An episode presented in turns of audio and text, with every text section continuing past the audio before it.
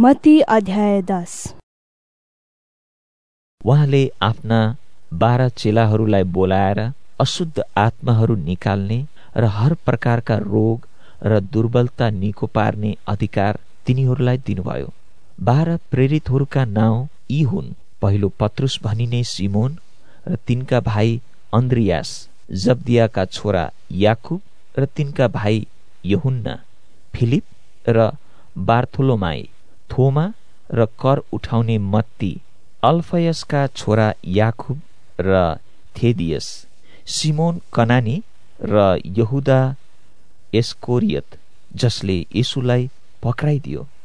यसुले यी बाह्र चेलालाई यसो भनी आज्ञा दिएर पठाउनु भयो अन्य जातिहरूका माझमा नजाओ र सामरीहरूका सहरमा नपस तर इसरायल जातिका हराएका भेडाहरू कहाँ जाओ? स्वर्गको राज्य नजिकै आइपुगेको छ भन्दै प्रचार गर। बिमारीहरूलाई निको पार मरेकाहरूलाई जीवित पार कुष्ठ रोगीहरूलाई शुद्ध पार भूतहरूलाई निकाल। तिमीहरूले सित्तेमे पायौ सित्तेमे देऊ। तिमीहरू आफ्ना पटुकामा सुन चाँदी र तामाको सिक्का नबोक। यात्राको निम्ति झोली दुईटा दौरा जुत्ता लौरो नलेऊ किनभने खेतालाले उसको भोजन पाउनु पर्छ जुन सहर कि गाउँमा तिमीहरू पस्छौ त्यहाँ को योग्य छ भनी खोज र त्यहाँबाट बिदा नभएसम्म त्यहीँ बस। त्यस घरभित्र पस्दा अभिवादन गर। त्यो घर योग्य छ भने तिमीहरूको शान्ति त्यस घरमा आओस्। तर त्यो योग्य रहेनछ भने तिमीहरूको शान्ति तिमीहरूमै फर्किआओस् यदि कसैले तिमीहरूलाई ग्रहण गरेन वा तिमीहरूको वचन सुनेन भने त्यस घर अथवा सहरबाट निस्कँदा आफ्ना खुट्टाको धुलो टकटक्याइदियो। साँच्चै म तिमीहरूलाई भन्दछु न्यायको दिनमा त्यही सहरको दशा भन्दा बरु सदोम र गमराको हालत बढी सहनीय हुनेछ। हेर म तिमीहरूलाई बुवासहरूका बीचमा भेडा झैँ पठाइरहेछु।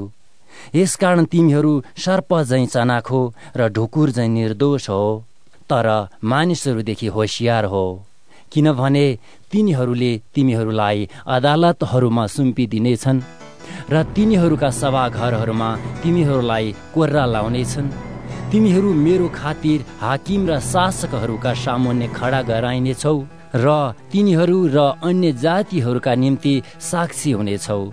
तर जब तिनीहरूले तिमीहरूलाई पक्राइदिन्छन् तब कसरी र के बोलाउला भनी फिक्री नगर।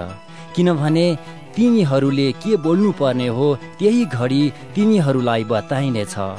किनभने बोल्ने तिमीहरू आफै हुने छैनौ तर तिमीहरूका पिताका आत्मा तिमीहरूद्वारा बोल्नुहुनेछ। भाइले भाइलाई मृत्युको लागि पक्राइदिनेछ र बाबुले छोरा छोरीलाई र छोरा छोरीहरू आमा बाबुहरूका विरुद्धमा उठ्नेछन् र तिनीहरूलाई मार्न लाउनेछन्। मेरो नाउँको खातिर सबैबाट तिमीहरू घृणित हुनेछौ। तर जो अन्त्य समय रहन्छ त्यसैको उद्धार हुनेछ। जब तिनीहरूले तिमीहरूलाई एउटा सहरमा सताउँछन् तब अर्कोमा भाग किनकि साँच्चै म तिमीहरूलाई भन्दछु मानिसको पुत्र आउन अघि तिमीहरू कुनै रीतिले इसरायलका सबै सहरहरू डुलिसकेका हुने छैनौ। चेला आफ्ना गुरु भन्दा र कमारो आफ्ना मालिक भन्दा श्रेष्ठ हुँदैन। चेला आफ्ना गुरु जस्तो र कमारो आफ्ना मालिक जस्तो हुनु यथेष्ट छ। यदि तिनीहरूले घरका मालिकलाई नै बालजिबुल भनेका छन् भने उनका परिवारकाहरूलाई झन कति बढी भन्लान्। यसकारण तिनीहरूसँग नडराओ किनभने ढाकेर प्रकट नहुने र लुकेर थाहा नहुने केही छैन। जे म तिमीहरूलाई अन्धकारमा भन्दछु त्यो तिमीहरूले उज्यालोमा भनिदेऊ र जे तिमीहरूले कानमा सुन्छौ त्यो घरका धुरीहरूबाट प्रचार गर। तिनीहरूसँग नडराओ जसले शरीरलाई मार्छन् तर आत्मालाई मार्न सक्दैनन्। बरु आत्मा र शरीर दुवैलाई नरकमा नाश गर्न सक्नेसँग डराओ। के एक पैसामा दुई भँगेरा बिक्दैनन्? मध्ये एउटा पनि तिमीहरूका पिताको इच्छा बिना भुइँमा कस्ने छैन। तिमीहरूका शिरका केसहरू पनि सबै गन्ती भएका छन्। यसकारण तिमीहरू नडराओ। तिमीहरू धेरै भँगेरा भन्दा बढ्ता मूल्यवान छौ। यसकारण हरेक जसले मानिसहरूका सामु मलाई स्वीकार गर्छ म पनि उसलाई स्वर्गमा हुनुहुने मेरा पिताको सामुने स्वीकार गर्नेछु। तर हरेक जसले मलाई मानिसहरूका सामुने इन्कार गर्छ म पनि उसलाई स्वर्गमा हुनुहुने मेरा पिताको सामुने इन्कार गर्नेछु। म पृथ्वीमा शान्ति ल्याउन आएको हुँ भनी नठान शान्ति ल्याउन होइन तर तरवार चलाउनलाई म आएको हुँ। किनकि म मानिसलाई उसका बाबुको विरुद्ध र छोरीलाई उसकी आमाको विरुद्ध र बुहारीलाई उसकी सासूको विरुद्ध गराउन आए। मानिसका शत्रु उसको आफ्नै परिवारभित्रकैहरू हुनेछन् जसले मलाई भन्दा बढी आफ्ना बाबु वा आमालाई प्रेम गर्दछ त्यो मेरो योग्यको हुँदैन। जसले मलाई भन्दा बढी आफ्ना छोरा वा छोरीलाई प्रेम गर्दछ त्यो मेरो योग्यको हुँदैन। जो आफ्नो क्रुस उठाएर मेरो पछि लाग्दैन त्यो मेरो योग्यको हुँदैन।